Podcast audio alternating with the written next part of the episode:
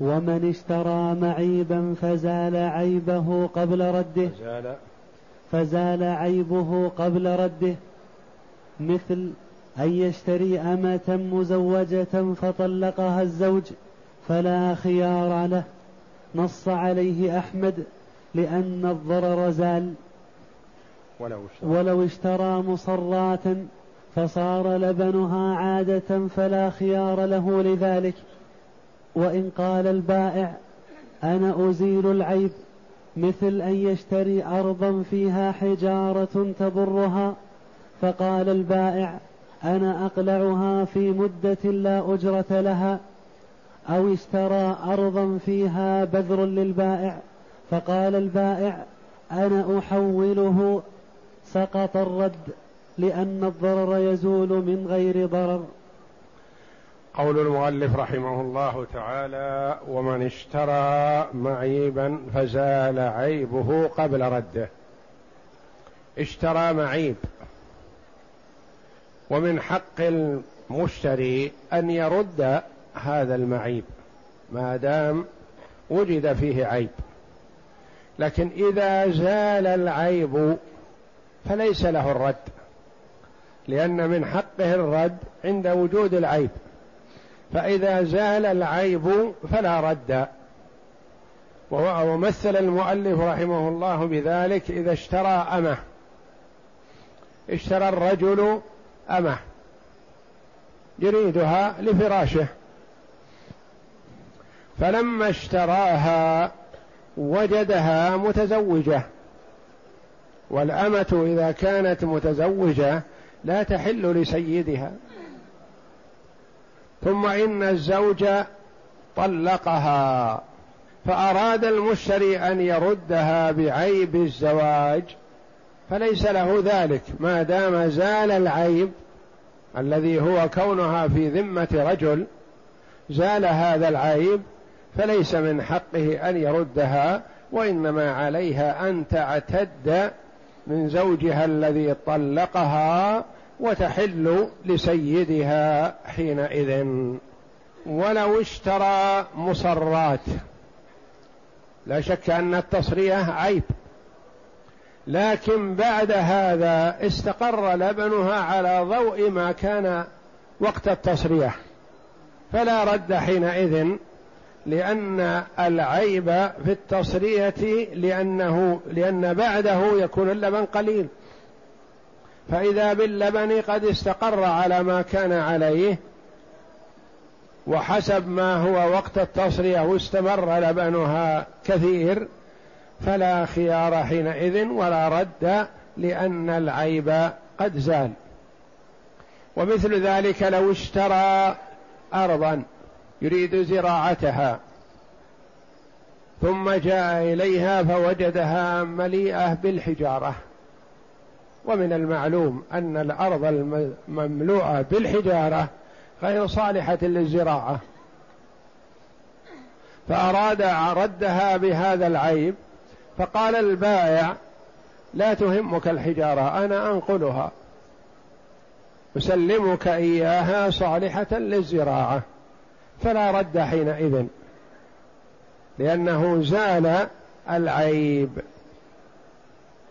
ومثل ذلك إذا كانت الأرض مثلا مزروعة.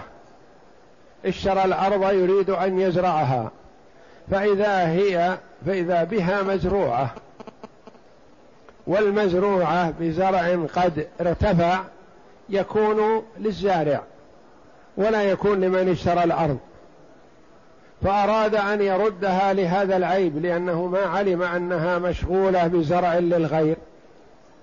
فأراد أن يردها فقال البائع أنا أنقل هذا الزرع من هذه الأرض إلى أرض أخرى وأسلمك إياها صالحة للزراعة. حينئذ لا رد. ويجمع هذا من اشترى شيئا معيبا ثم زال العيب أو التزم البائع بإزالته فلا رد حينئذ. اشترى السيارة مثلا وفيها عيب غير ظاهر. الكفرات مثلا تالفة لكن ظاهرها السلامة. فلما كشف عليها قال مثلا أهل الصنف هذه ما يصح أن يمشى عليها. لأن كفراتها عجلاتها تالفة. فمن حق المشتري أن يردها بهذا العيب. فإذا قال له البائع أنا أبدل هذه الكفرات بكفرات صالحة فلا رد حينئذ لأن العيب زال نعم. فصل ذكر القاضي ما يدل على أن في خيار العيب روايتين. إحداهما هو على التراخي لأنه عيب خيار لدفع الضرر المتحقق. فكان على التراخي كخيار القصاص فعلى هذا هو على خياره ما لم يوجد منه ما يدل على الرضا في الت... ما لم يدل على الرضا من التصرف. على ما ذكرنا في باب الخيار. والثانية والثانية هو على الفور لأنه خيار ثبت به ثبت بالشرع لدفع الضرر عن المال فأشبه خيار الشفعة. ذكر القاضي أبو يعلى رحمه الله أن في خيار العيب روايتان المرء اشترى شيئا ما فوجده معيبا. فهل يلزم فهل يلزمه أن يبادر بالرد إذا رغب في ذلك؟ أم له الانتظار؟ يقول القاضي أبو يعلى رحمه الله فيه روايتان عن الإمام أحمد. إحداهما تقول إنه على التراخي. يفكر وينظر ويتأمل في هذا العيب. هل يمكن استدراكه؟ هل يمكن إصلاحه؟ هل إصلاحه سهل أو صعب؟ هل هو يضر بهذه العين ضررا كبيرا أم هو شيء سهل؟ هل هذا العيب مثلا سينتشر ويكثر؟ أم أن هذا العيب محدود ويمكن إصلاحه؟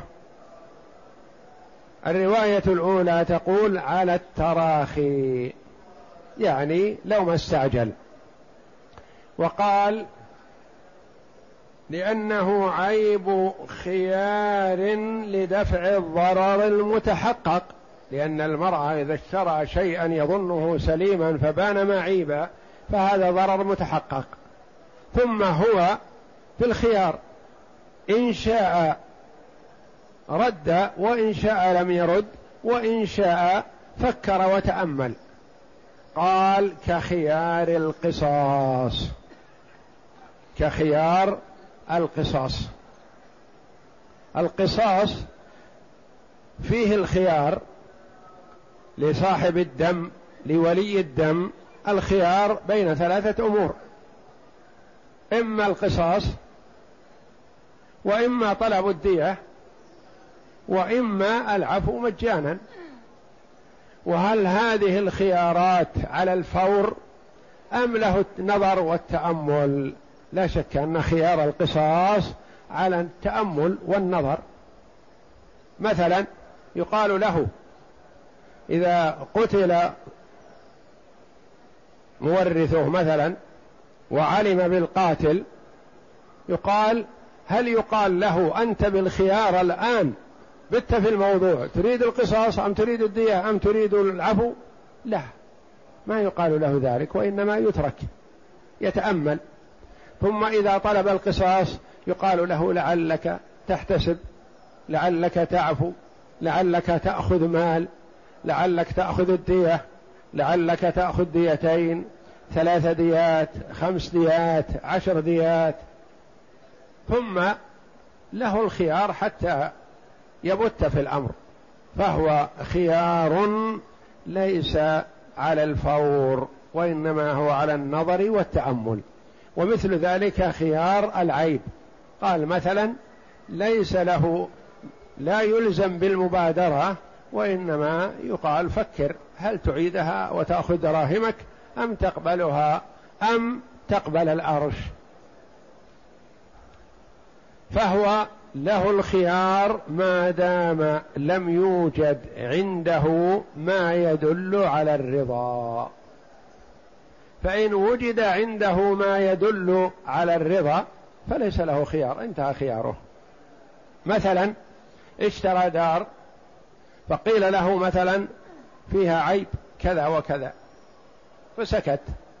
ثم بدأ ينقل أمتعته ليسكن هذه الدار الجديدة. لا خيار له حينئذ لا يصلح له الرد لأنه وجد منه ما يدل على الرضا بها. أو أدخلها في السوق ليبيعها مثلا سلعة أو بقرة أو بعير. قيل له فيه عيب فأدخله في السوق ليبيعه. فهذا دليل الرضا فليس له الرد. فإن وجد منه دليل الرضا فليس له الرد. وإن لم يوجد منه دليل الرضا فله الرد. وإن طال الزمن. والثانية تقول لا هو على الفور. لأن إذا قلنا على الفور ربما يكون فيه ضرر على المشتري. يبادره لكن إذا قلنا على التراخي من سيتضرر؟ البايع لا يدري هل سلعته ستعاد إليه أم لا. فعليه ضرر بهذا. فلا يدفع الضرر بالضرر. لا يدفع ضرر المشتري بتضرر البايع في كون سلعته لا يدري هل بيعت واستقر بيعها أو لا. وقال انه خيار العيب كخيار الشفعة. يعني الروايتان إحداهما تقول خيار العيب كخيار القصاص على التراخي. والأخرى تقول خيار العيب كخيار الشفعة أنه يبادر. إذا علم ببيع الشخص الذي يريد أخذه فلا بد أن يعلن أخذه وإلا سقط حقه بالشفعة. كما سيأتي إن شاء الله. نعم. ولو حلب لبنها الحادث أو ركبها أو ركبها ليردها أو ليختبرها لم يكن رضا لأنه حق له إلى أن يرد فلم يمنع منه. يقول إن حلب الدابة التي اشتراها وفيها عيب أو ركوبها أو نحو ذلك ليتأكد من العيب لا يعتبر هذا دليل الرضا بها. فيحلب الدابة وينظر هل ينقص اللبن؟ نقص كثير. فيردها. أم يكون النقص يسير؟ يقول ما يتحمل لعله يزيد. أو مثلا قيل له هذه الدابة مثلا فيها كذا فركبها لينظر. أو السيارة فيها كذا مثلا فركبها لينظر مدى تأثرها من هذا العيب من قلة التأثر. فلا يقال له إنك ركبت السيارة بعدما علمت أن فيها عيب فليس لك الرد. لا العمل اليسير نحو هذا لا يؤثر في عدم الرد. فصل وله الرد من غير رضا صاحبه ولا حضوره لأنه رفع عقد جعل إليه فلم يعتبر ذلك فيه كالطلاق. يقول فصل وله الرد من غير رضا صاحبه ولا حضوره. اشترى سلعة؟ فتبين له أن فيها عيب. فقال لمن حوله أنا لا أقبل هذه السلعة بعيبها. ردها عبارة ذاك ما علم ما يلزم ولا يلزم حكم حاكم الرجوع إلى الحاكم لينظر هل يصح الرد أو لا. ما دام أن العيب ثابت فله الرد وإن لم يحضر صاحبه ولم يعلمه. فيما بعد يعلم قال هو مثل الطلاق. فالمطلق ما يحتاج أن يقول للزوجة أترضين بالطلاق؟ الطلاق له متى ما شاء طلق الزوجة عنده حوله أو قريبة منها أو بعيدة عنه. فالطلاق بيده فكذلك رد المعيب للمشتري متى شاء رد ولو لم يحضر صاحبه. اشترى سيارة من المعرض مثلا ووجد فيها عيب فردها على أهل المعرض. ولا يقولون له انتظر حتى نرى صاحبك هل يقبل ردك أو لا يقبل. يقول أنا اشتريت السيارة وجدت فيها عيب والعيب محقق. إذا اختلف عاد في العيب هل هو موجود أو لا فرجوعهم إلى الحاكم. لكن ما اختلفوا البائع يعلم عن هذا العيب. ويظن أن المشتري لن يعثر عليه فإذا به عثر عليه فعليه أن يقبل السلعة. نعم. ويجوز من غير حاكم لأنه مجمع عليه. ويجوز الرد من غير حكم حاكم لأن هذا شيء مجمع عليه. المجمع عليه المتفق عليه له الرد بدون الرجوع إلى المحكمة. لكن شيء محل خلاف يرجع إلى الحاكم لأن حكم الحاكم يرفع الخلاف. نعم. فلم يحتج إلى حاكم كفسخ المعتقة للنكاح. كفسخ المعتقة للنكاح. الأصل أن الطلاق بيد الزوج وهو الذي يفسخ العقد أو يبقيه مستمرا. في حالة من الحالات يكون فسخ الطلاق من الزوجة. متى ما شاءت يعني إذا علمت وشاءت قالت فسخت طلاقي من فلان. لا أريده. متى؟ في صورة واحدة. إذا كانت أمة متزوجة من رقيق أمة لزيد مثلا متزوجة لرقيق لعمرو أو كلاهما لزيد. فعتقت المرأة وهي تحت هذا الرقيق فلها أن تختار نفسها ولها أن تختار البقاء في عصمة زوجها. كبريرة رضي الله عنها لما عتقت فسخت طلاقها من مغيث. زوجها. فجاء مغيث إلى النبي صلى الله عليه وسلم يطلب منه الشفاعة. هذا الرقيق يطلب من النبي صلى الله عليه وسلم أفضل الخلق على الإطلاق الشفاعة له عند زوجته التي عتقت. فقال لها النبي صلى الله عليه وسلم لبريرة لو قبلتيه قالت يا رسول الله أتأمرني؟ قال لا أنا شافع. قالت لا حاجة لي فيه. ما أريده. هي عتقت وهو لا يزال رقيق فهي لا تريد أن تكون تحت هذا الرجل. ففسخها لنكاحها بيدها. ولا يحتاج إلى الرجوع إلى المحكمة. إلا لإثبات ذلك. والا فلا يحتاج إلى حكم حاكم بأن الفسخ صحيح لأن الفسخ مجمع عليه لأن لها الخيار. إلا إذا مكنته من نفسها بعدما علمت بالعتق فليس لها خيار حينئذ لأنها رضيت به فلا خيار لها حينئذ.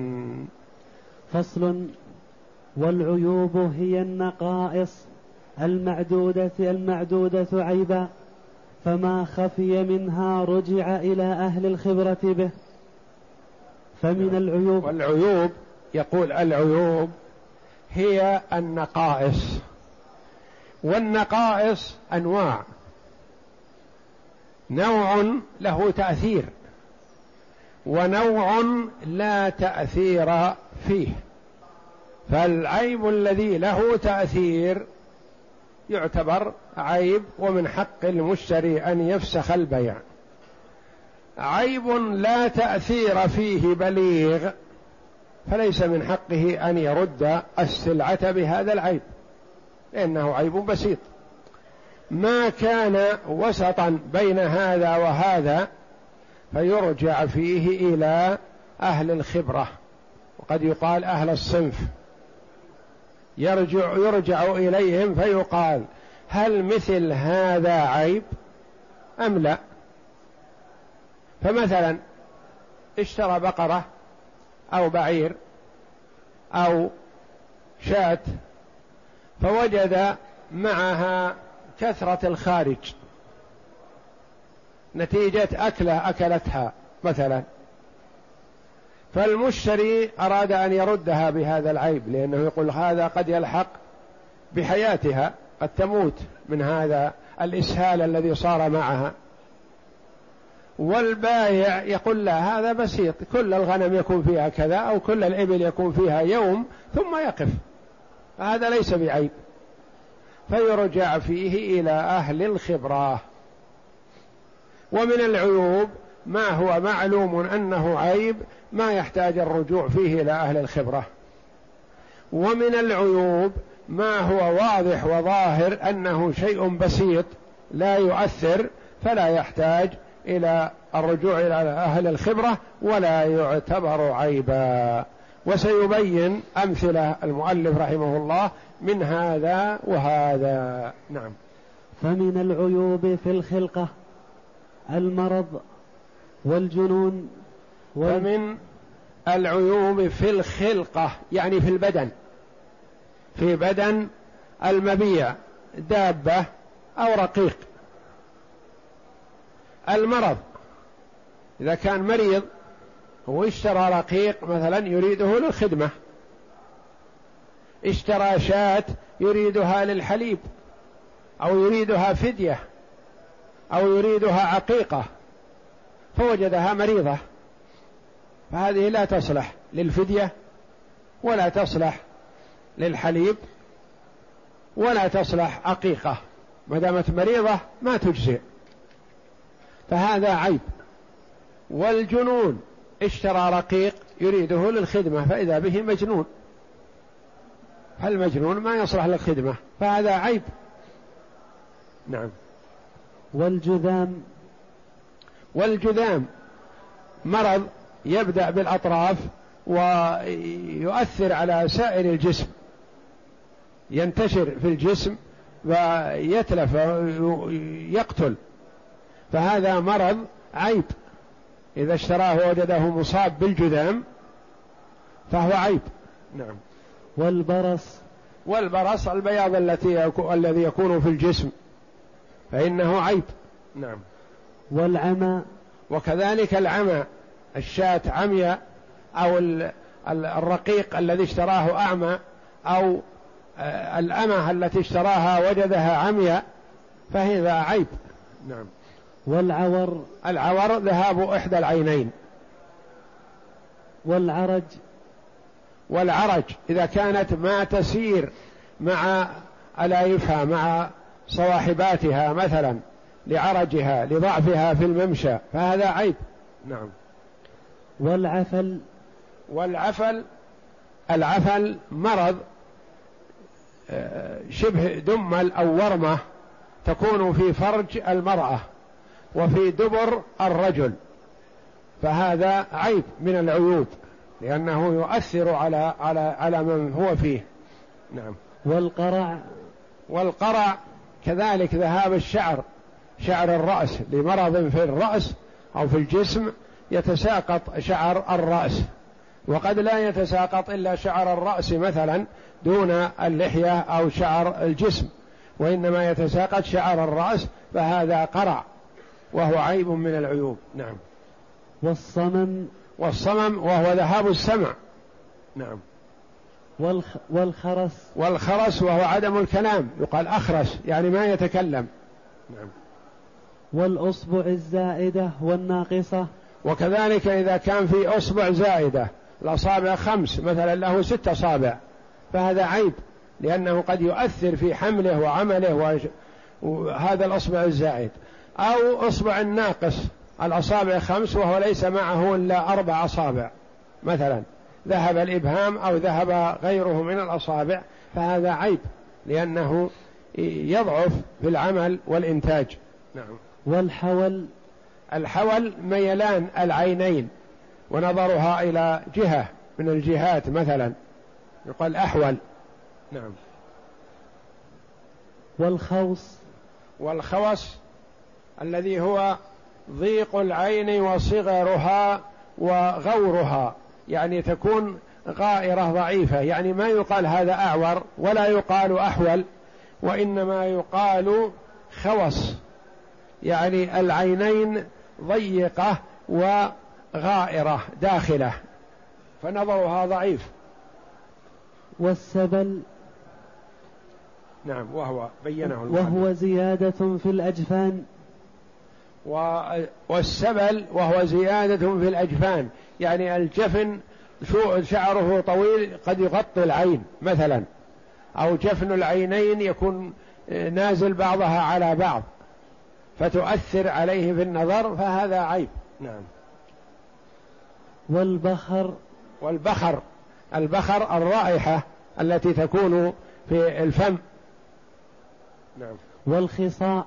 والخصاء إذا كان مخصي يعني قطعت خصيتاه فهذا عيب سواء كان مثلا آه، أمه يعني رجل خصي مثلا أو مثله لو كان مثلا يريد التيس مثلا للقراع فاشتراهم فوجده مخصي. فهذا يعتبر عيب لأنه ضيع عليه غرضه. نعم. والتخنيث؟ والتخنيث. التخنيث اشتراه مثلا رجل يريده للخدمة فإذا به يميل إلى النساء ويتزين كما تتزين النساء وليس بخنثى. وإنما هو مخنث. فيه مخنث وفيه خنثى. الخنثى الذي ليس بذكر ولا أنثى. له آلة ذكر أو وله آلة أنثى. أو ليس له شيء أو له شيء لا يشبه هذا ولا هذا. مثلا هذا يقال له خنثى. وقد يكون مشكل وقد لا يكون غير مشكل فيما بعد. أما التخنث فهذا بخلافه. يكون الولد مثلا يميل إلى صفات النساء بالتزين ونظر نفسه ومشية النساء وكلام النساء وهذا عيب في الغلام إذا اشتراه وهو بهذه الصفة. نعم. وكونه خنثى. وكونه خنثى يعني ليس بذكر ولا أنثى فهو عيب بالنسبة للآدمي. نعم. والحمق البات. والحمق البات يعني سرعة الغضب. يكون عند أقل شيء يغضب غضبا شديدا. وغضب يؤثر عليه ويوقعه في مفاسد ومهالك. لأن النبي صلى الله عليه وسلم حذر من الغضب والغضب يفرق بين الزوج وزوجته وبين الوالد وولده وبين الأخ وأخيه. فإذا كان هذا الغلام مثلا سريع الغضب فإنه لا يستفيد منه سيده بل ربما أفسد عليه أكثر مما يصلح. فلهذا إذا كان سريع الغضب فإن هذا الغضب عيب. ولهذا قال البات يعني غضب شديد. أما الغضب عند الإغضاب فهذا ليس بعيب لأن كل إنسان فيه شيمة ورجولة. إذا أغضب فإنه يغضب. نعم. والتزوج في الرقيق. والتزوج في الرقيق. سواء كان رجلا أو امرأة. مثلا اشترى هذه الأمة يريدها لفراشه. فإذا بها متزوجة. فلا تصلح لفراشه. فله أن يردها بهذا العيب. يقول ما دامت متزوجة لا حاجة لي فيها. اشترى غلاما مثلا يريده لأمور تستدعي السفر أو العمل المستمر أو كذا فإذا به متزوج وله أولاد يقول لا حاجة لي فيه هو وزوجته وأولاده وإنما أريد رجلا يصاحبني دائما وابدا لا يلتفت إلى زوجة ولا إلى غيرها. فهو عيب في الرجل والمرأة. نعم. فأما عدم الختان فليس بعيب في الصغير. لأنه لم يفت وقته ولا في الكبير المجلوب لأن ذلك عادتهم.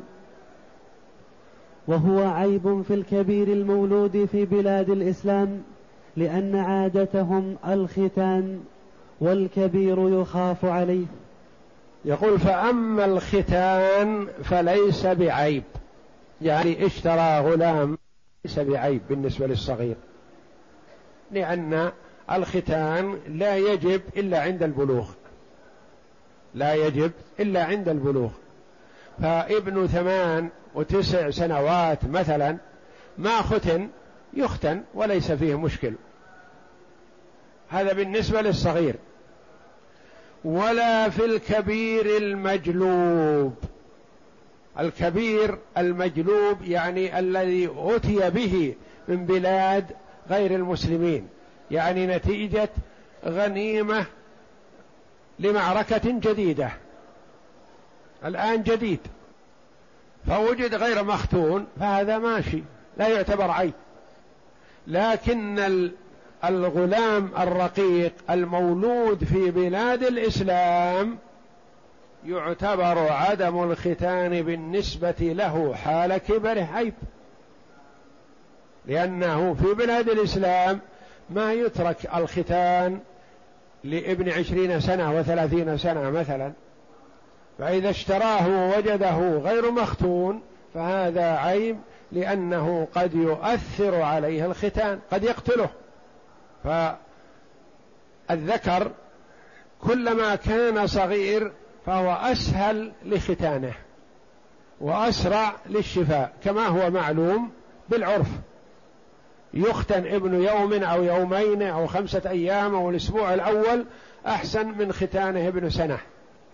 وابن سنة أخف من ختانه ابن ثلاث سنوات مثلا. وابن ثلاث سنوات ختانه أخف من ختان ابن خمس سنوات وست سنوات. وابن سبع سنوات مثلا ختانه أخف من ابن اثني عشر سنة. فكلما كبر يكون أصعب لختانه. وأكثر خطر لأنه قد يلحق به قد يهلكه. بخلاف الصغير فهو لا يؤثر عليه غالبا. وهو عيب في الكبير المولود في بلاد الإسلام لأن عادتهم يعني عند المسلمين الختان والكبير يخاف عليه.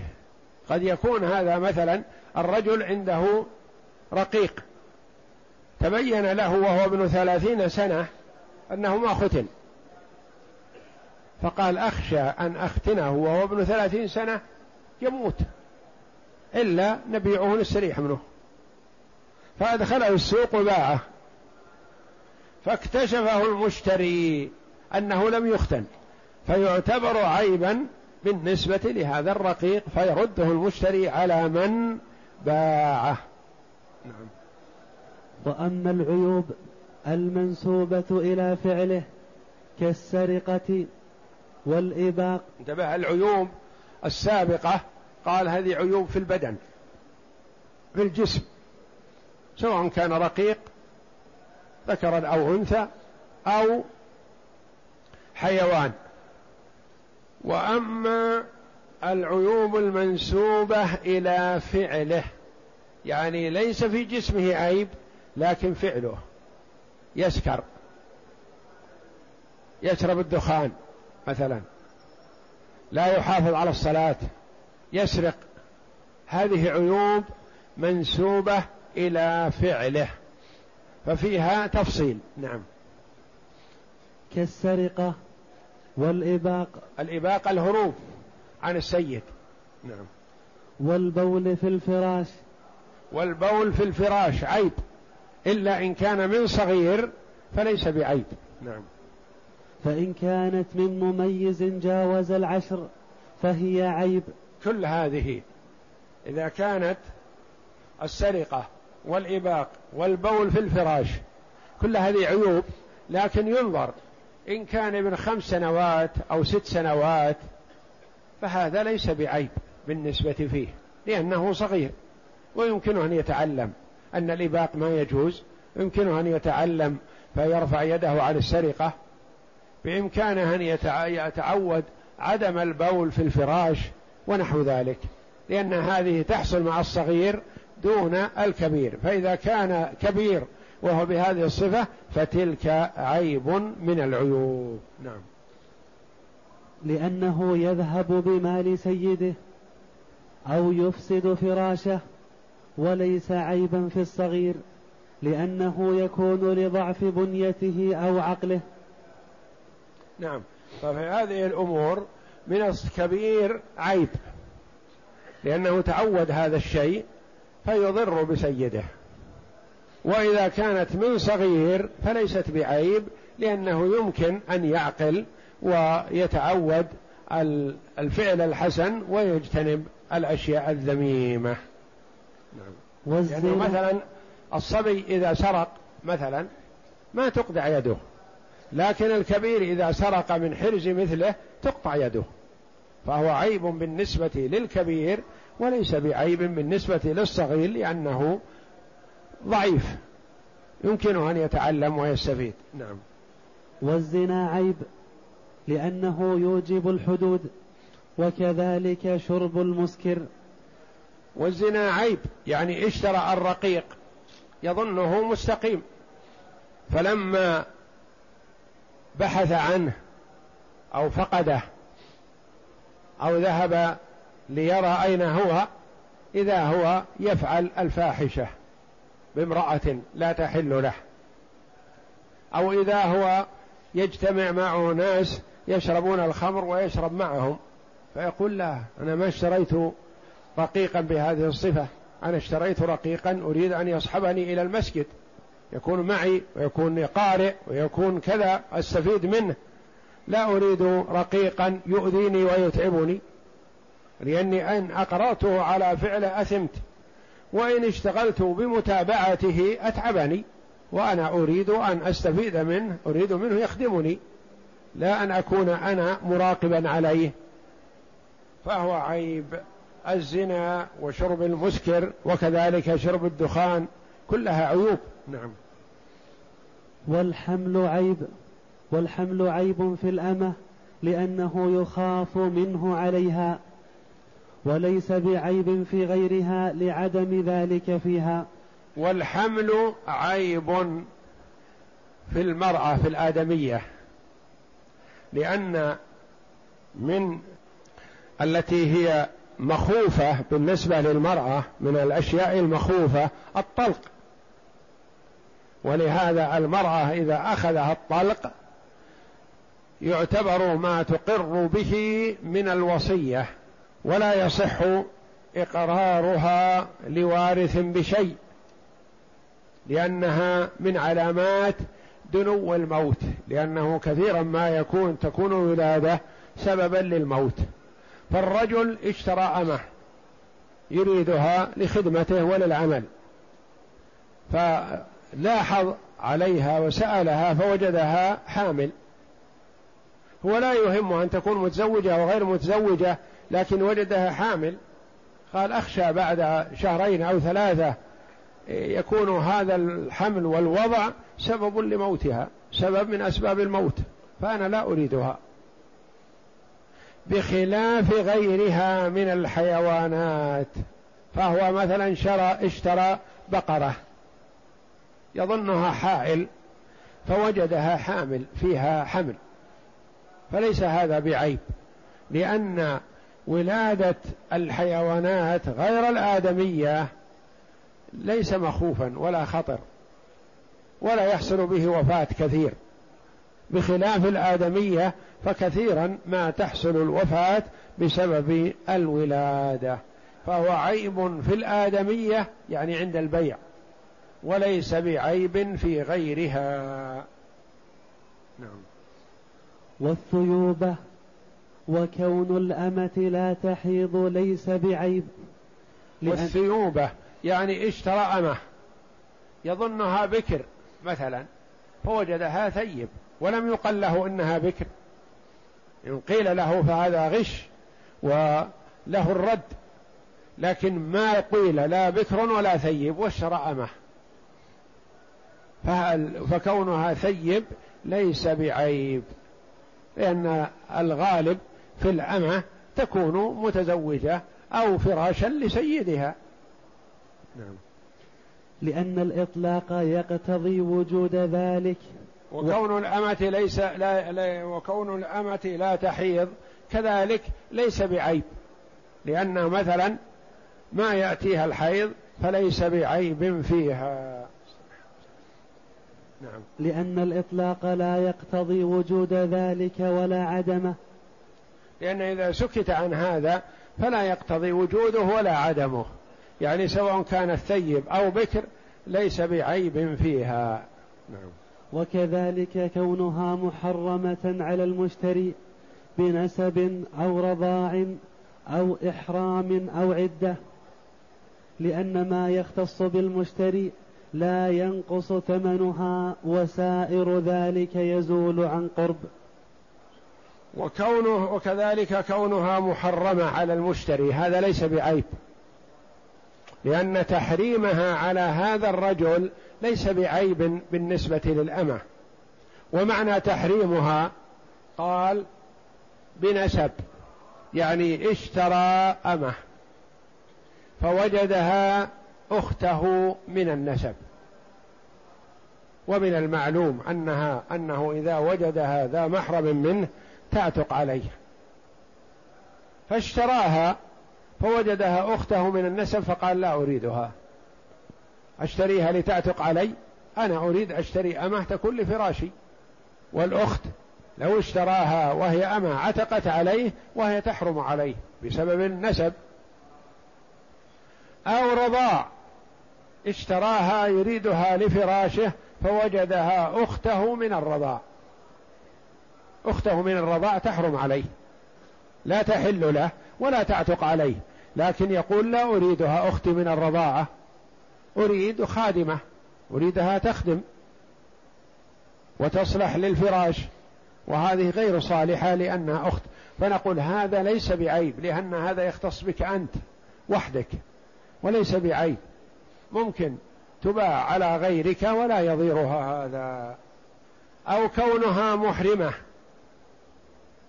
أو معتدة. هذا ليس بعيب. اشترى أمة مثلا. من سيدها فقال سلمني إياها. فقيل له الآن هي في محرمة في مكة ذهبت للحج. فهل يردها بهذا العيب؟ لا لأن وقت الإحرام محدود. ما يطول. وكذلك اشتراها فوجدها معتدة. لأن قلنا إذا شراها وجدها متزوجة فهذا عيب. مر علينا قريب. لكن اشتراها فوجدها معتدة من وفاة أو طلاق. فيقول هذا عيب؟ لا ليس بعيب لأن هذا فترة وجيزة وينتهي. نعم. ومعرفة الغنى والحجامة ليس بعيب لأن النقص فعل ذلك لا العلم به. ومعرفة الغنى والحجامة ليس بعيب. أمه فوجدها مغنية والغنى محرم ولا يجوز فأراد أن يردها بهذا العيب. نقول لا معرفتها للغنى ليس بعيب وإنما العيب والضرر في كونها تغني. إذا غنت هذا ممنوع لكن كونها تجيد الغنى من حقك أن تمنعها لأنك سيدها. أو كذلك الحجامة مثلا. لأن النقص فعل ذلك لا العلم به. الإنسان يأثم إذا فعل الشيء المحرم لكن كونه يعلم الشيء المحرم ولا يفعله ما يضيره.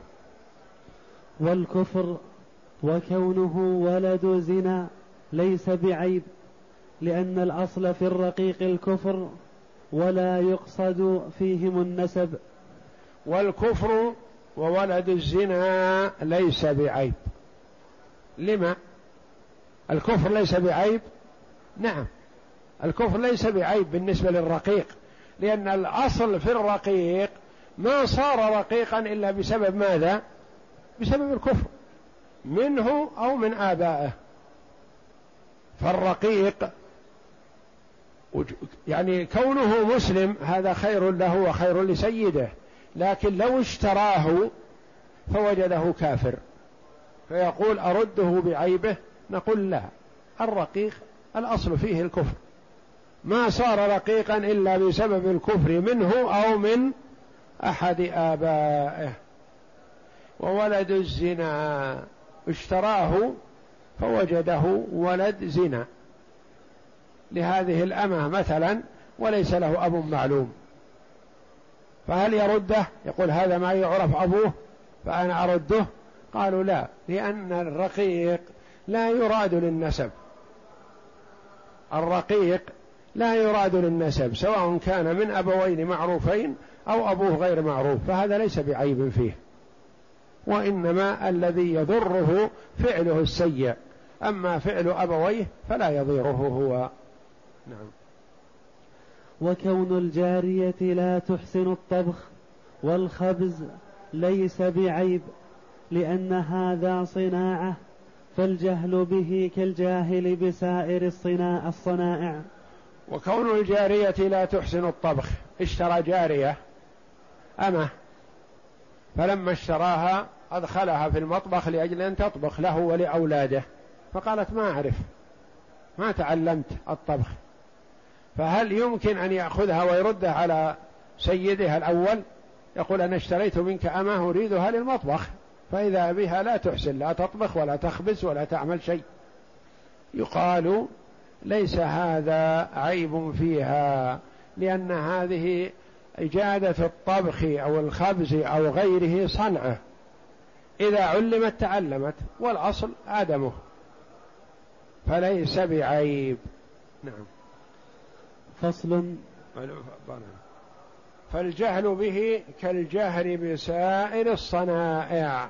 يعني مثلا اشتراها وسلمها ماكينة الخياطة والثياب فما عرفت. فيقول أردها لأنها لا تحسن الخياطة؟ قال لا هذا ليس بعيب.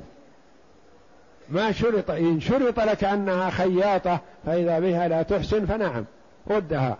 لكن ما شرط لك أنها خياطة وجدتها لا تحسن الخياطة ليس بعيب علمها. فهي صناعة من الصناعات التي يمكن أن تتعلمها. والله أعلم وصلى الله وسلم وبارك على عبده ورسول نبينا محمد وعلى آله وصحبه أجمعين.